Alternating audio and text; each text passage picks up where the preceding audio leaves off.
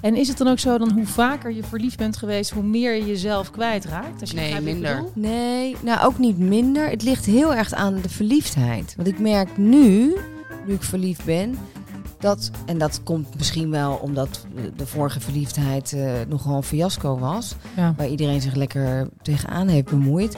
Dus misschien heb ik daar wel iets van geleerd. Ik ga daar iets minder head over heels in. Ja, maar, dat, Probeer het wel een beetje te temperen. ja, maar dat, dat heb je pas nu, heb je dat eigenlijk door. 46, Clarice. Na de vorige keer. Nu heb ik het pas een beetje door. Ik ben Bridget, mega succesvolle aanster. Het leven lacht me toe. Ik heb alles: een kind, een auto, een huis, een glansrijke carrière. Het enige dat ik nog mis is een podcast. Maar daar komt nu verandering in. Samen met Justine en Clarice.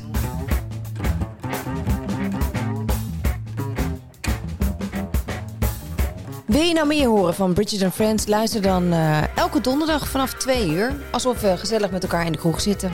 Ik hoop dat je erbij bent. Tot dan!